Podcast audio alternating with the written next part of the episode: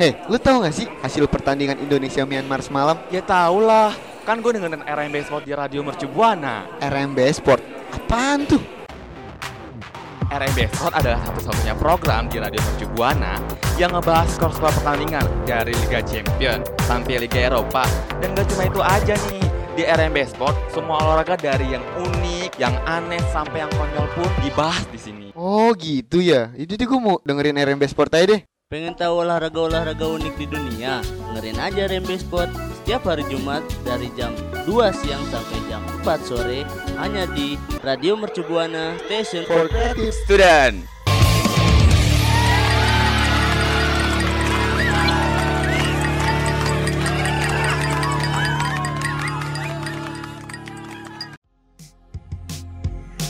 Eyo Isi sore hari rekan Buana dengan berolahraga. Sambil ditemenin RMB Sport on the on Radio Mercu Buana. Radio Mercu Buana Station for Creative Student. Halo rekan Buana, RMB Sport kembali mengudara. Pastinya bakal membawakan informasi-informasi terbaru mengenai dunia olahraga. Dan buat rekan Buana mungkin ada yang penasaran kali ya Ini ada suara siapa nih sih? Yang kayak jarang dan asing terdengar di RMB Sport Perkenalkan gue Niklas dan bareng partner gue ada Halo Halo Bagas Bagas, halo rekan buana, asik kalau nih Nicholas nih. Jadi kita sebelum masuk ke RMB Sport, uh, gue mau ngingetin dulu nih buat rekan buana untuk follow media sosial kita di Instagram, Twitter, dan Facebook di @radiomercubuana. Dan jangan lupa untuk dengerin siaran kita di Spotify Radio Mercubuana. Nah satu lagi nih, buka website kita langsung radiomercubuana.com karena di situ banyak banget artikel-artikel menarik yang pastinya rekan buana bisa banget baca. Radio Mercu Buana, Station for Creative Student.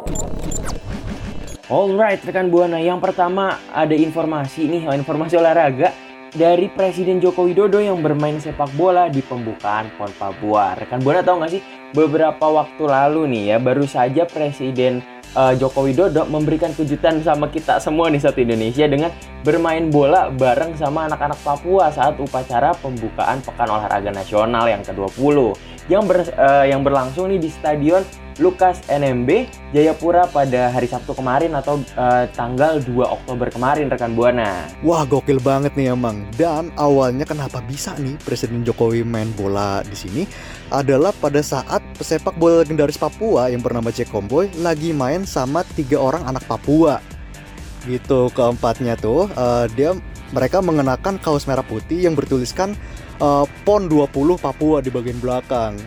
Terus tiba-tiba ada suara yang uh, ada ada orang ngomong, "Bapak Presiden, ayo sini dukung kita." gitu. Wih, di ngajak main berarti ya, iya, guys ya. Iya, itu makanya keren, keren banget. keren keren. Tapi meskipun main bola gitu kan uh, Pak Presiden tetap menaati protokol kesehatan dengan tetap memakai masker nih, guys. Dan Presiden Jokowi pas dilihat-lihat ternyata juga kelihatannya kayak jago banget guys main bolanya guys pakai kaki kanan nih dan setelah ngoper-ngoper bola tuh pas di uh, videonya gue lihat ya uh, ada seorang penampil dengan uh, dia pakai baju adat Papua bawa alat musik tifa dan ngasih ke Presiden Jokowi. Wah itu keren banget sih emang itu itu momen terfavorit gue sih sebenarnya. Jadi Mhm. tiba terus abis itu tuh Presiden Jokowi udah apa udah ngambil tifanya terus dipukul-pukul abis itu balik lagi tuh ke tempat duduk VVIP-nya. Mhm, Dan para menteri juga dan undangan yang lainnya juga juga ikut mukul-mukul tifanya nih guys sebagai uh, tanda dibukanya PON 20 Papua dan abis itu mungkin karena capek kali ya jadi pada minum air mineral yang ada di sampingnya lalu Presiden Jokowi menikmati pertunjukan uh, upacara pembukaan PON Papua 20 yang selanjutnya dijalankan gitu maksudnya acara Iya. selanjutnya gitu guys Iya keren-keren emang emang gue tuh favorit buat sama PON 20 ini karena eh, yang datang menghadiri acara ini tuh banyak banget karena nih sebanyak eh, sekitar 7.066 atlet dari seluruh provinsi di Indonesia itu tuh ngikutin PON 20 di Papua yang berlangsung pada tanggal 2 Oktober sampai 15 Oktober. Gitu. Dengan rinciannya tuh atlet putra ada 4.176 orang dan atlet putrinya tuh ada 2.890 orang. Widih, keren-keren. Berarti atlet dari 34 provinsi itu semuanya ber ini ya, berlomba ya, berlomba di 37 cabang olahraga yang ada dan uh, Hmm. ada 56 disiplin cabang dan 60 600 79 nomor pertandingan guys. Gila banyak banget. Wah ini ini emang emang tergokil sih pon tergokil yang pernah gue lihat. Karena maksudnya gini ya, kita kan kondisinya pandemi tapi antusias masyarakat tuh masih masih tinggi banget loh untuk ngikutin pon. Mhm, dan apalagi kita dari rumah nih kan bisa nonton pon nih sekarang di TV mungkin atau dari YouTube mungkin ya guysnya ada kan tuh live streamingnya boleh dong buat teman-teman nih buat rekan buana yang udah nonton streamingnya atau ngeliat pertandingannya boleh langsung kasih komentar sharing-sharing ke kita di eh, twitternya Radio Mercu at Radio Mercubuana dengan hashtagnya RMB Sport. RMB Sport. Radio Shibuana Station for Creative. Ah, rekan Buana, tadi kita udah ngomongin soal PON 20 Papua yang aksi Presiden Jokowi itu main bola itu yang ngagetin banget lah ya. Iya keren Gitu. banget tuh. Kita sekarang beralih ke bulu tangkis yang mana spesialisnya Indonesia. Nah, tapi gue mau membawanya berita buruk masalahnya nih. Wih kenapa tuh guys? Ada apa? Iya, jadi em, ternyata nih tim bulu tangkis Indonesia masih belum mampu membawa pulang gelar Sudirman Cup 2021. Waduh, berarti for the eh bukan for the first time ya. Mungkin eh, kali ini kita belum bisa kali ya bawa pulang ya. Dan eh, tim Indonesia datang sebagai unggulan ketiga dan membawa sederet pemain andalannya nih guys. Indonesia juga eh, sempat diharapkan banget mampu merebut gelar yang kali terakhirnya diraih pada edisi eh, tahun 1989 silam. Aduh, iya tuh makanya eh, tim tanah air tuh eh, rencananya pengen banget nih menang di tahun ini, cuman Mhm. akhirnya justru malah gagal mengakhiri puasa gelar 30 tahun mereka di Surdim- Sudirman Cup. Aduh, sedih banget, guys. Gue Hmm. sebagai seorang pecinta bulu tangkis nih, guys, bulu tangkiers Wes. nih, bulu tangkiers ya tuh. Butuh bulu tangkisers iya, bulu tangkiers tuh gue sedih banget guys jujur karena biasanya kan apalagi Indonesia guys yang terkenal Mm-mm. banget yang notabene adalah di juara di mana pun yang bulu tangkis itu pasti kita bisa bawa pulang piala gitu guys dan Iya, tapi- itu dia.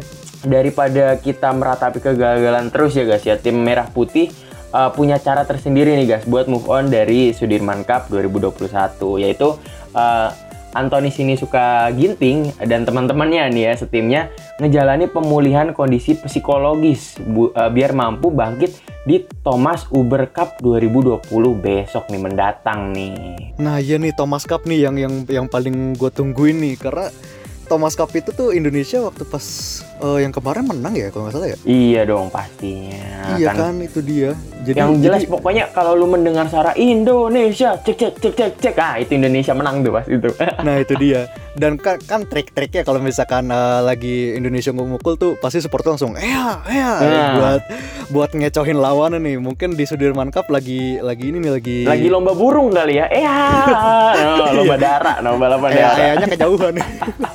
Malah ninggalin lapangan kan aneh ya. Aha, dan eh, sed- tahu-tahu gue nih ya guys ya sedengar-dengar gue eh, jadi tim bulu tangkis Indonesia itu lagi eh, pemulihan psikologis lah dan Hmm. Hendro Wibowo juga ngaku pemulihannya ini bertujuan buat ningkatin semangat serta motivasi dari eh, Anthony Ginting dan teman-temannya gitu guys. Nah ya itu itu emang emang perlu banget sih maksudnya Kayak secara psikologis tuh emang kehilangan fokus pas tampil di eh, lapangan Terutama kita kan bulu tangkis nih jago banget itu tuh Mhm. bisa jadi masalah serius tuh buat pemain-pemain Indonesia.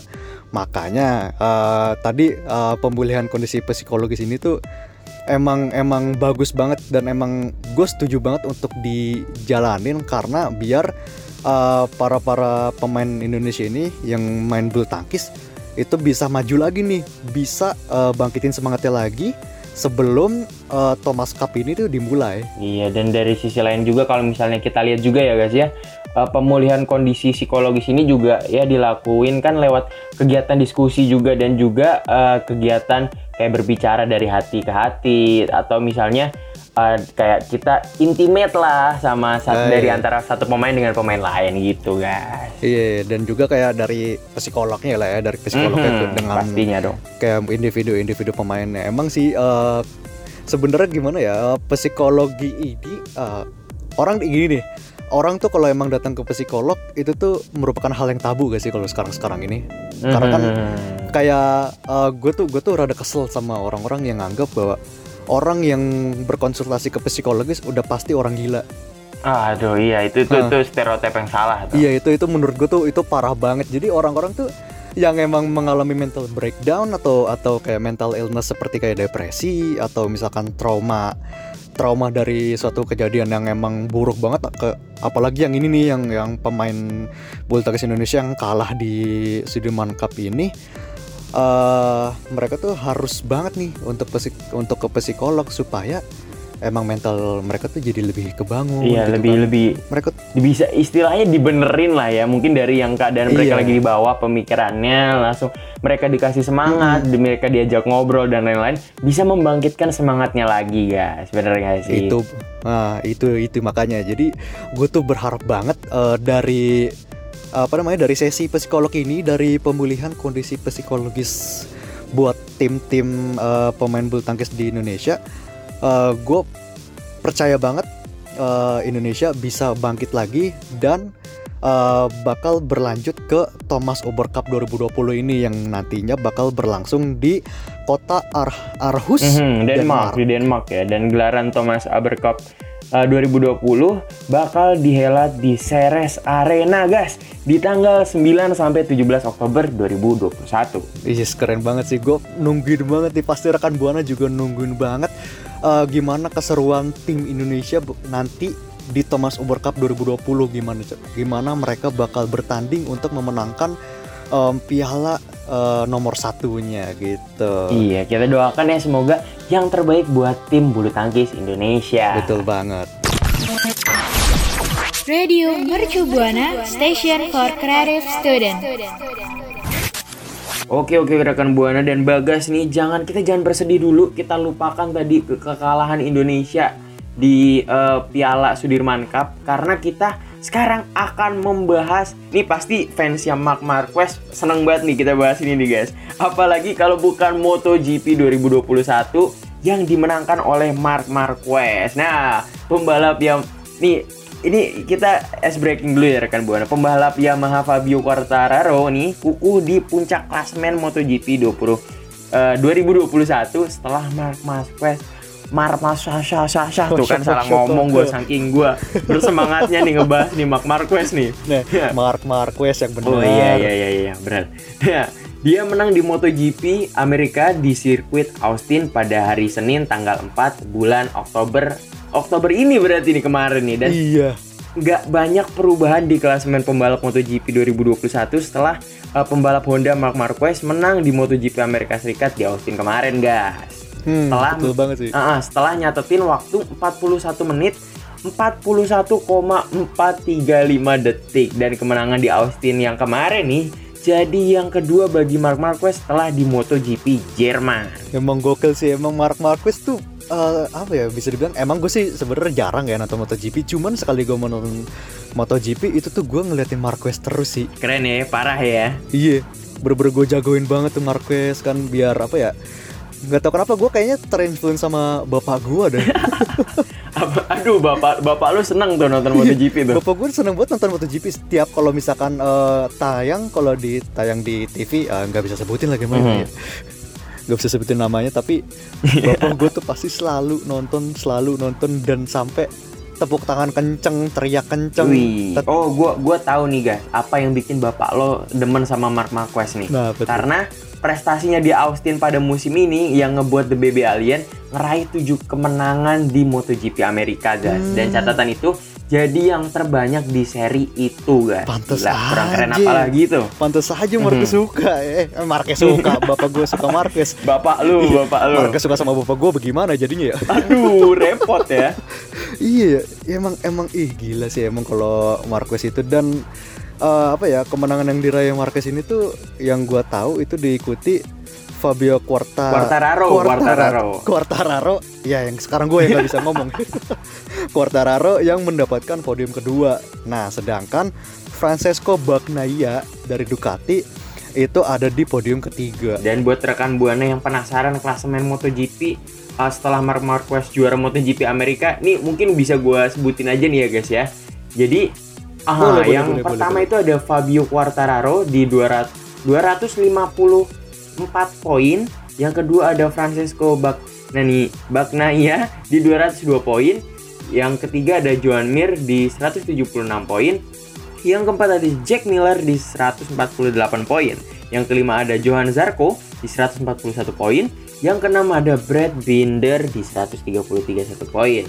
Yang ketujuh ada Mark Marquez di 117 poin. Yang kedelapan ada Al Alex uh, Espar apa ini ya? Espargaro, Espargaro. Di 100. Aduh, gua ini mungkin kurang ngopi kali gue ya, jadi nggak fokus ya. ada Espargaro kayak ini ya kayak lagu manis sih? Waduh.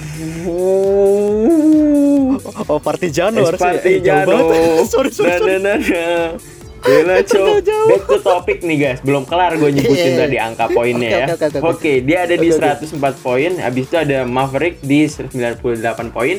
Yang terakhir yang ke-10 nih guys, ada Miguel di 92 poin. Jadi ya itulah beberapa eh, klasemen usai MotoGP yang kemarin dimenangi Marc Marquez nih guys. Nah, buat rekan Buana yang demen juga nih sama MotoGP bisa langsung sharing-sharing sama kita siapa sih andalan lo ya nggak sih guys? Gacoan lo di Kasih MotoGP. tahu jagoannya. kasih tahu jagoan lo di MotoGP dengan uh, Twitter.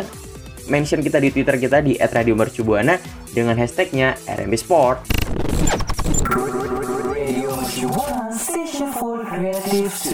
Wah wah wah rekan buana kita udah di penghujung siaran RMB Sport pada minggu ini nih. Ya ampun tadi kita udah bahas mengenai tadi Presiden Jokowi yang main bola sama tiga orang anak. Papua terus main terus kalian main Tifa juga itu Waduh. kurang lengkap apa coba dari seorang main presiden. FIFA oh Tifa dong, Tifa, Tifa, Tifa. gue dengernya yes. FIFA guys Wah, FIFA. Ya bola juga sih. salah salah sorry sorry sorry sorry si salah.